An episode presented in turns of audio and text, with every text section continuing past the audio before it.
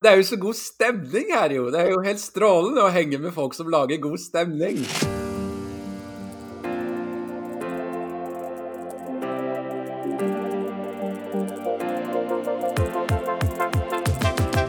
Mammas hjerte er en familiepodkast der en vil samtale og drøfte nære og viktige tema som angår familieliv, parrelasjon, barn og barneoppdragelse. For mer av Mammas hjerte, søk opp på Snapchat, Facebook eller Instagram.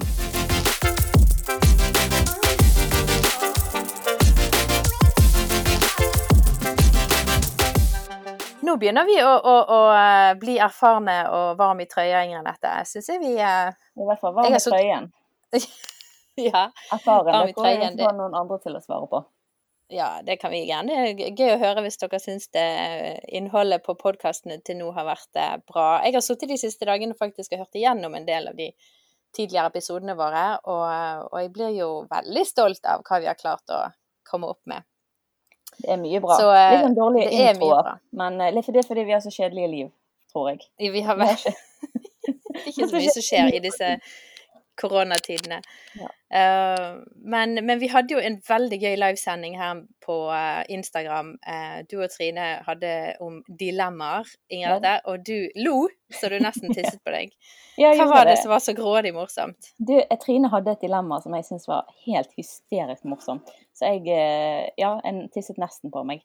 Og det var rett og slett Hvis du måtte velge mellom å Hver gang du møtte en skallet mann, så måtte du klappe han på hodet. Eller så fikk du kun lov til å gi bananer i gave. Alltid. Og da er det liksom bryllup, julegaver til alle ungene. Ja. Nå ser vi at ser vår ler. Han er ikke introdusert ennå, så han tør ikke å le så høyt. Men, men eh, nei, nå er jo jeg litt ferdig med å le av den, da. Men da, eh, det er jo et veldig gøyt dilemma, syns jeg. Det var Trine som kom. Ja, hva hadde du valgt da? Jeg hadde valgt å klappe på hodet, for jeg hadde syntes det var for smertefullt å komme i et bryllup med bananer. Jeg, Ja, jeg hadde ja, greid å gå bort til en skallet mann og klappe han på hodet, men eh, å gi bananer til ungene mine hver bursdag og hver jul, det hadde vært for smertefullt. Jo, jeg, er, jeg, jeg kjenner jeg er litt enig med deg der, altså. Så det hadde blitt det for min del. Så, så hvis du er skallet og går forbi oss, så får du passe på. Ja. OK. Neimen, eh, vi er i gang, og vi har en spennende prat vi skal eh, hive oss inn i. Eh, Vi har med oss Alexis Lund fra Tro Medier, fra Helt Fri. Eh, Og hei, Alexis. Så kjekt du ville henge litt med oss. Ah, kjempekjekt. Og har, det er jo så god stemning her, jo. Det er jo helt strålende å henge med folk som lager god stemning. Jo, takk. Vi trives jo i hverandres selskap, så, så det skal ikke så mye til.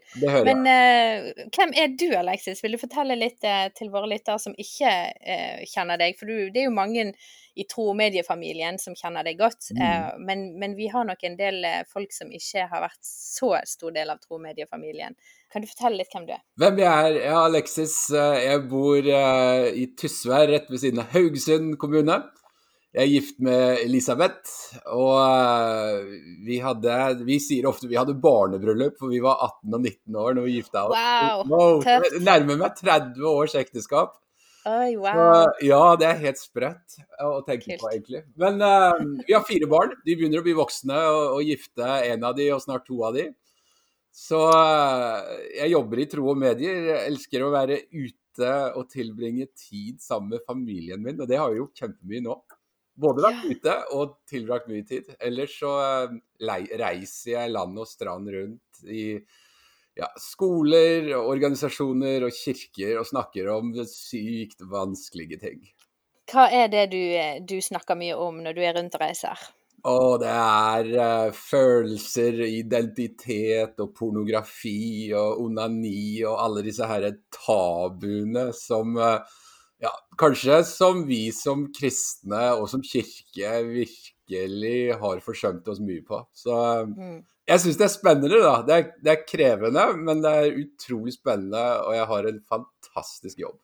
Nei, det er fantastisk å ha sånne folk som deg, som, som um, tør å gå inn i det landskapet og snakke om disse uh, vanskelige problemstillingene og temaene, og det tror jeg er en kjempeviktig eh, jobb dere gjør. Så i dag så har vi lyst til å, å høre litt hva tanker du har rundt dette med hvordan vi som foreldre kan introdusere dette med sex og eh, den delen av livet for barna våre på en god, på en sunn, på en naturlig måte.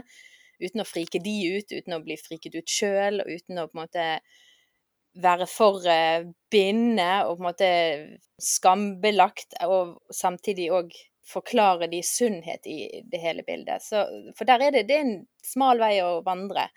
Ja, det er en vanvittig smal vei å vandre, og det er jeg, jeg, tenker jo sånn, I sånn prinsippet så tenker jeg å, la de nå være barn lengst, lengst mulig, da. Dette her er liksom vanskelig nok å forholde seg til når de kommer i puberteten og greier.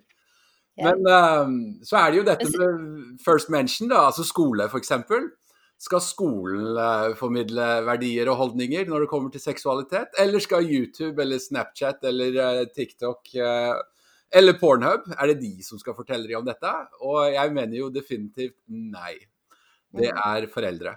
Når er det, det på en måte, sånn som du tenker, man bør begynne å snakke om disse tingene med barna våre? Jeg, jeg tenker at før man begynner å snakke om det, så bør man begynne å modellere. Hva er det som gjør at uh, vi respekterer hverandre? Hva er det som gjør at vi klemmer hverandre? Hva er det som gjør at vi kysser? Uh, og hvem er det vi kysser? Uh, og hvem er det vi holder rundt og tar på? uh, og snakke om de tingene som er så veldig sårbart, men så veldig naturlig. Og hvordan kan vi modellere trygghet inn mot egen kropp? Trygghet inn mot hva vi faktisk velger å gjøre med kroppen vår. Og da, det er klart, da har du noen knagger da, når du modellerer dette i hjemmet, når du skal begynne å snakke med, med femåringen om dette. Mm. Så hvorfor kysser jeg mamma? Hvorfor, er, mm. hvorfor oppleves det godt? Og hvorfor kysser jeg bare mamma på munnen? Kanskje jeg kysser noen andre på kinnet, men det er noe helt annet. Og det å, det å gi liksom noen sånne virkelige knagger til barn, det er ekstremt viktig. For det de ser, det er sant. Ja. Uh, og det, sånn er det de opplever det. Om det gjelder nyheter eller om det gjelder uh, ting de ser på YouTube, så er det det i, i små, Når vi snakker om så små barn, så er det det som oppleves som sant. Og da, da må vi modellere det hjemme som voksne. Det har ikke jeg tenkt over så mye sjøl, for vi, vi, vi, gjør jo det mye hjemme. Men rett og slett forklare hvorfor, og hvorfor det er den ene, og hvorfor uh, ikke andre, på en måte. Det syns jeg var en veldig fin hengeknagg å huske på. Mm. Hvorfor ha badebukse på, da? Altså, hvorfor ja. det? Og hvem skal se deg naken? Og hvem skal se meg naken? Og alle disse ting. Altså, prøv å Det å skape trygghet rundt det er jo ekstremt viktig. Fordi at uh, vi er jo ikke skapt til å skamme oss. Altså, bevare meg vel. Skam og seksualitet, det er en skikkelig dårlig kombinasjon. Yes, og hvis vi begynner å liksom legge grunnlag for at de to tingene henger sammen når barna er små, da er det For det kommer ting i livet vi kommer til å skamme oss over. Om det er tanker eller ting vi har gjort som vi angrer på, eller hva det nå er, så kommer det. Ja. Men det å liksom bygge, bygge trygghet og si at hei, dette med, med, kroppen din, og dette med nakenhet, og dette med å være sikker på hvem du er, og hvor verdifull du er, det er, det mm. er så viktig. For da har du noen fundamenter å bygge dette på videre. Jeg opplever jo litt sånn at pga. usikkerhet i meg sjøl, så på en måte håndterer jeg disse tingene på gjerne en ubehagelig måte for barna. Og, og, og på en måte hvordan klarer hun å slappe av i det hele. Fordi at jeg vil jo kunne snakke om dette på en sånn fri og naturlig måte, uten å være bundet av mine egne erfaringer og min egen oppvekst og mine egne tanker rundt ting. Hvordan kan man være litt mer eh, Ja, hjelpe seg sjøl til å snakke litt friere om det, da. Men litt mer naturlig om det. Dette er så du, Katrine, dette er helt sant. For dette er jo Når du sier det, så tenker jeg jo Så raser jo tankene mine. OK, hvilken vandring har jeg gjort i mitt liv? Mm. Uh, og hvor var jeg når jeg var 30 eller 20 i, i liksom denne prosessen?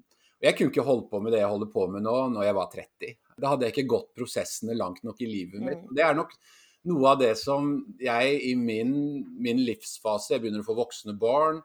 Vi har oppdratt barna våre i, eh, i, mye av det, og vi har snakket veldig åpent og ærlig om disse tingene. Men det å gå, til, eh, gå gjennom sine egne prosesser i sine relasjoner Kanskje snu noen steiner som du egentlig ikke har mm. våget å, å vært borti før, da det er noe jeg tror er veldig avgjørende, for det skaper jo en trygghet i oss som voksne. Altså, har jeg gjort opp ting? Uh, jeg opplever jo veldig mye at mange menn har enten store utfordringer nå, eller har hatt store mm. utfordringer knyttet til uh, pornografi. Og det er ofte mitt gjerne spørsmål har du, har du liksom snudd de steinene? Har du vært Mm. bunns i den liksom den elendigheten og liksom bare klippet av den greia der, sånn at du kan gå videre helt fri? Og helt uten liksom en sånn derre etterslep at eh, jo, dette biter deg i hælen ved ved neste sving. Altså, Jo mer en prater om dette, jo tryggere Mm. blir en. Fordi at vi er Ja. hele mennesker. Vi har ting som dukker opp i sinnet vårt, i tankene våre. Men så må vi òg ha strategier for hvordan, hvordan håndterer jeg dette. Og det, det er avgjørende for hvor vi er i, i vår livsreise. Hvordan vi Ja. kommuniserer dette til barn. Ja, det begynner jo litt med oss sjøl, da, Vi gjør det. på en måte. Altså, en Én ting er jo praten i seg sjøl er jo liksom litt klein. Og jo mindre de er, syns jeg jo på en måte mindre kleint blir det, fordi at de har ikke noe forhold til det. Så det blir på en måte ikke egentlig noe flaut før det på en måte blir flaut fordi de er litt eldre. Men det er som jeg syns har vært liksom det som har gjort at man har lyst til å utsette ting, da, det er jo det at når du først har sagt det, så går jo de da rundt til alle sine venner, til lærere, til barnehage og forteller at de sa at de Og det er det liksom, og, og gjerne når du er der. Så nå har ikke det skjedd, men du liksom ser for deg sånne scenarioer da, som gjør at man Jeg tipper at det er flere som liksom vegrer seg i en spesiell alder, da, sånn fire, fem, seks, der de ikke har begrep om at det her er flaut, og, og snakker veldig fritt med det i, i alle settinger. Så det er jeg i hvert fall kjent på at liksom åh, Mm. Og så kan vi bli overraska over responsen. Jeg husker jo en av våre barn eh, som vi forklarte hvordan, eh, hvordan eh, de var blitt til. Hva som skjedde. Og responsen var liksom Æsj! Det er det verste jeg har hørt. Ja. Er det det er det ekleste. uh, Uff, Men da det da kunne vi le av det. Da kunne vi være liksom Å, ikke sant? Da, var, da eide vi det. Da var det ingen andre som hadde kommet før oss. Og uansett om det var æsj og ekkelt og liksom Så, så var, det, var det vårt. Og det, da tenker jeg yes, det er bra. Jeg merket at det ble jo ganske naturlig når, eh, når vi får søsken inn i familien og begynner å fortelle de store, eller søsknene. Når vi, eh, sant, jeg, hun eldste var eh, syv år, hun andre var fire.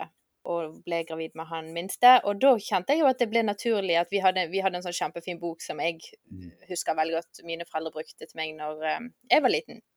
Som forteller og beskriver og tegner og går gjennom en familie som eh, også blir gravid og eh, forteller ifra A til Å. Og jeg syns det var en veldig fin mulighet til å sette seg ned og, og forklare hele syklusen eh, Mm. med barna. Så det er jo en, eh, et tips, da. At når man er gravid, at bruk den muligheten til å fortelle da søsknene om eh, Ja, jeg fikk mye spørsmål nå når jeg gikk gravid. Spørsmålet var men hvordan visste du at du hadde baby i magen? Og så svarte jo jeg på det med å vise graviditetstest og forklare.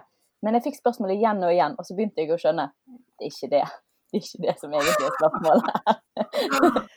Så da Men det er noe med å skape en trygghet rundt hele den settingen. fordi at da blir den noe som er vårt, og noe vi som Ja. voksne Uansett liksom hvor, hvor kleint og, og det kan komme noen det kan komme noen blikk, liksom. Jeg tror, når, jeg, når jeg forteller dette nå, så husker jeg til, dette er jo mange år siden nå, så husker jeg tilbake liksom blikket som egentlig sa Har du virkelig gjort det? Ja.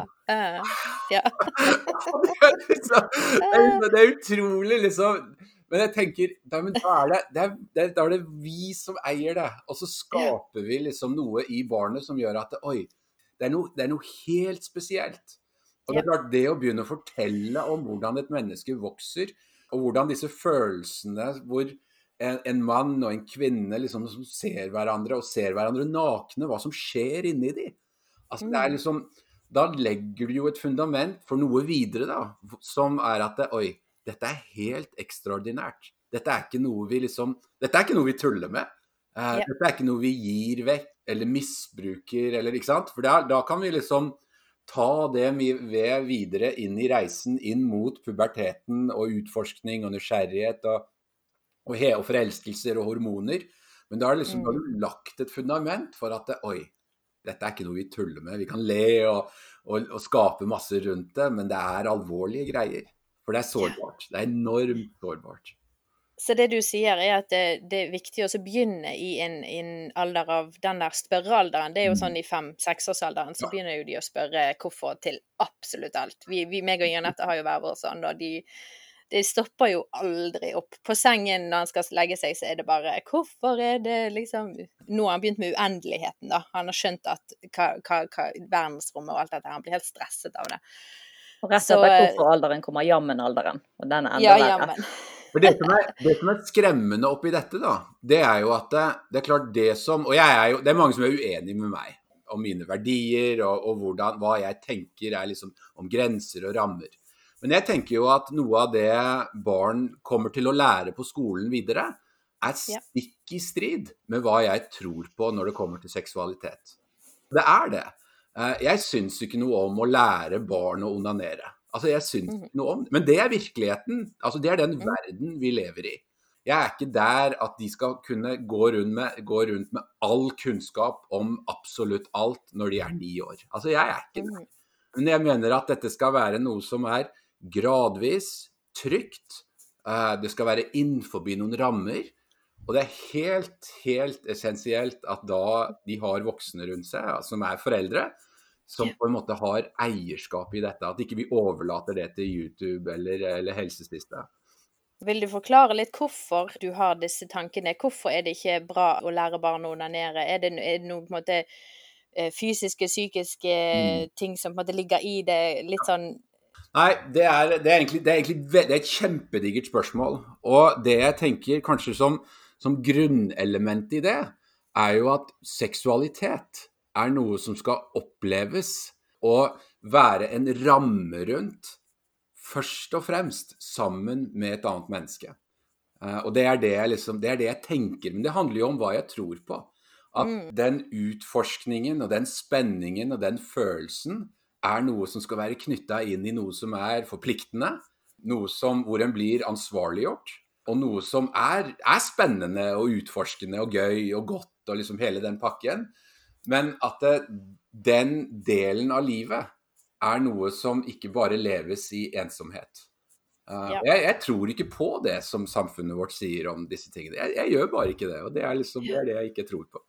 Men da er det jo mange som gjerne sier at hvis man da skal vente vi kan jo, Det er også snakk om å, å, å vente til man er gift. Det er jo en helt egen samtale for seg selv man nesten skulle hatt en egen podkast om. Eh, men da vil jo mange si at ja, men da vet jo ikke jeg om jeg passer med den som jeg skal gifte meg med seksuelt. Om vi tilfredsstiller hverandre, om han vil tilfredsstille meg, alle disse tingene. Det, det vil jo bli kjempevanskelig å, å begynne å utforske det når du da allerede har lagt lås og slå på at denne er liksom den du har valgt å gifte deg med, og det du sier der. Det er liksom mange som opplever det, da. De er nødt til å teste ut alle disse tingene. Hvordan er det å bo sammen før man eh, Hvordan er det å ha sex sammen før man binder seg eh, Likter til en person, da? Vi hadde sånn svært tentrokull her for en stund siden. Så hadde jeg med dattera mi, Åshild, som var forlova med Erlend. Så hadde jeg undervisning der oppe, og så hadde de en halvtime, halvtimes bolk med 14-åringene om hvorfor de hadde valgt å forlove seg, og hvordan de ble kjærester. Og du vet, ungdommene satt frampå stolen, og så kom de til sex.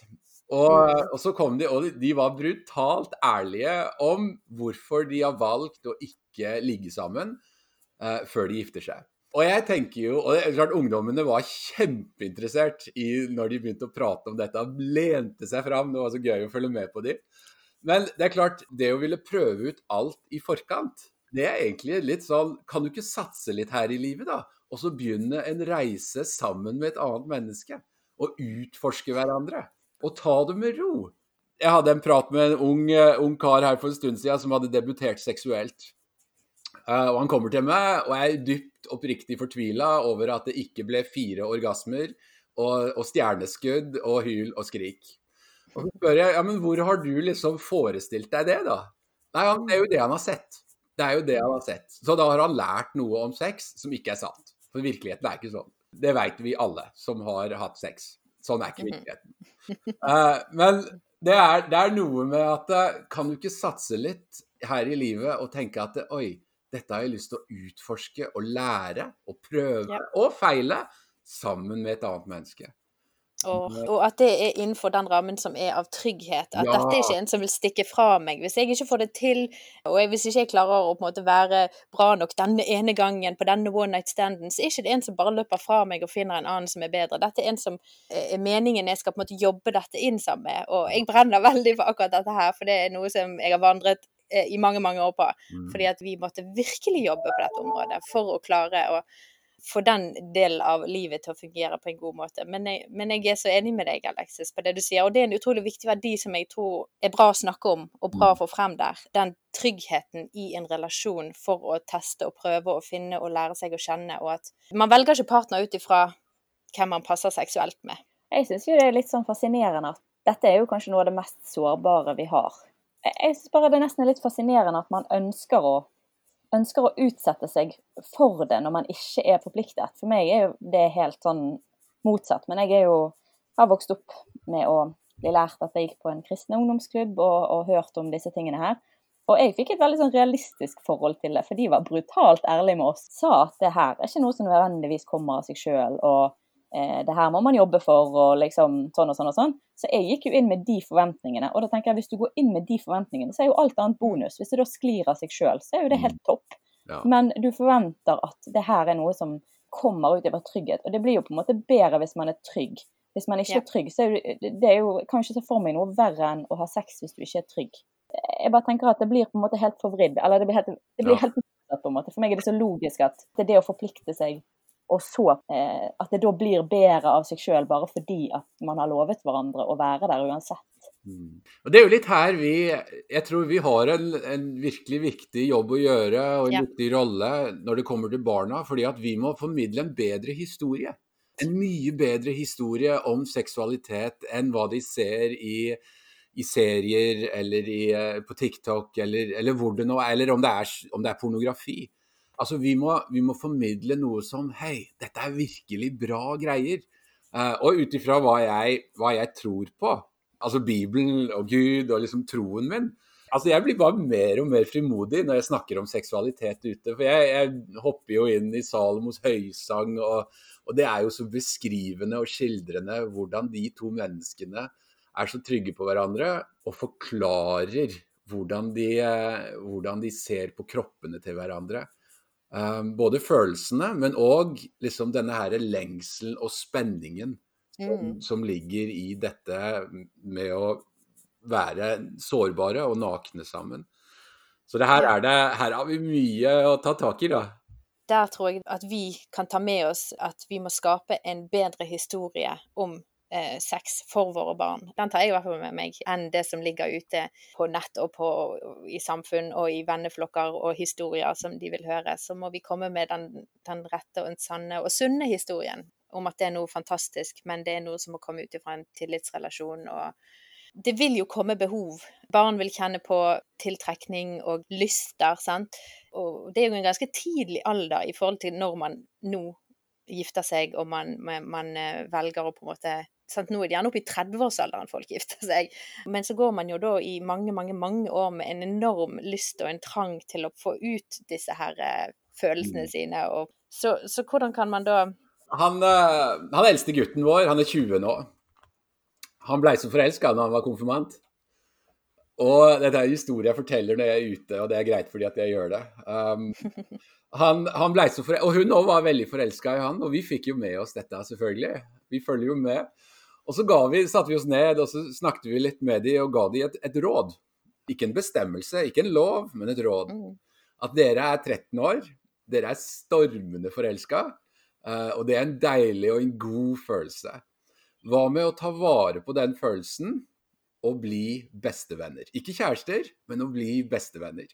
Og de fulgte det rådet en god stund. Eh, og hun, vi la til rette for at hun kunne være med oss på, på hytta, og vi la til rette, og vi reiste på familieferie sammen, og vi, vi gjorde liksom Vi kjørte mye fram og tilbake og, og henta og, og, og sånn.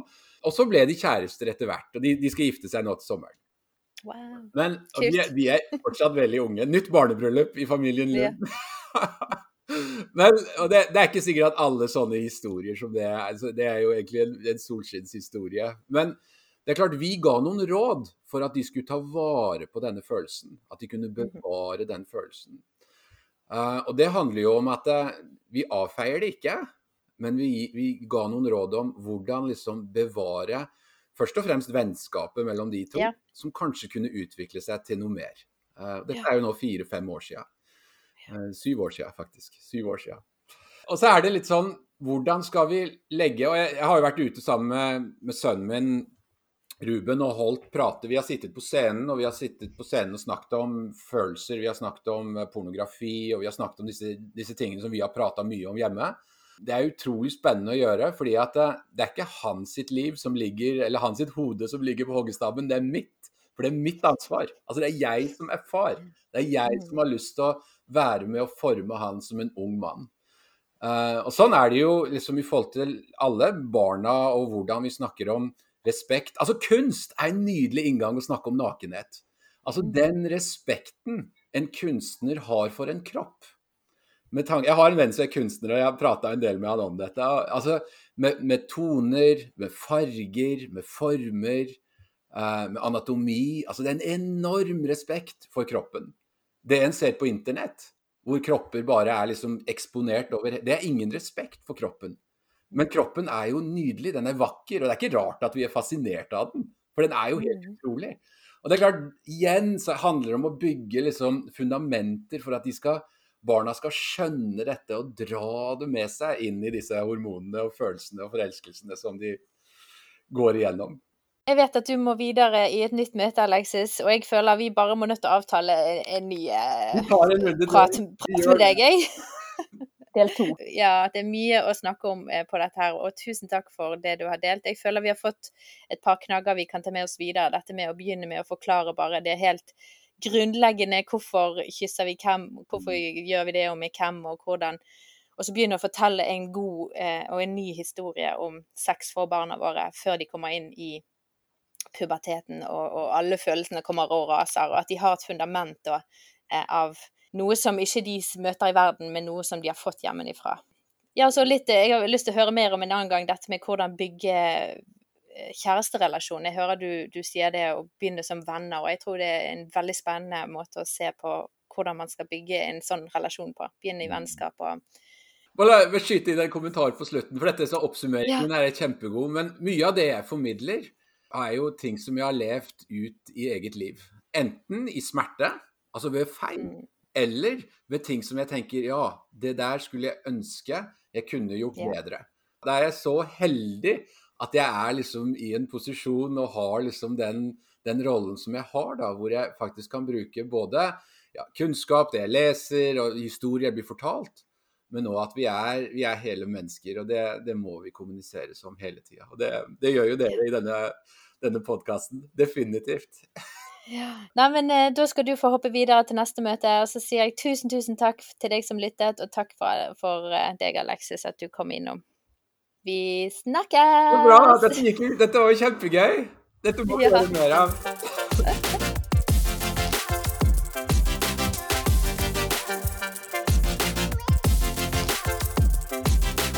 Hvis du har spørsmål, tilbakemeldinger eller ting du tenker på rundt det vi snakket om i dag, så har vi veldig lyst til å snakke med deg. Du kan kontakte oss på Snapchat, Instagram og Facebook. Der svarer vi alle meldinger. Så skriv oss en melding. Vi har veldig lyst til å chatte litt med deg.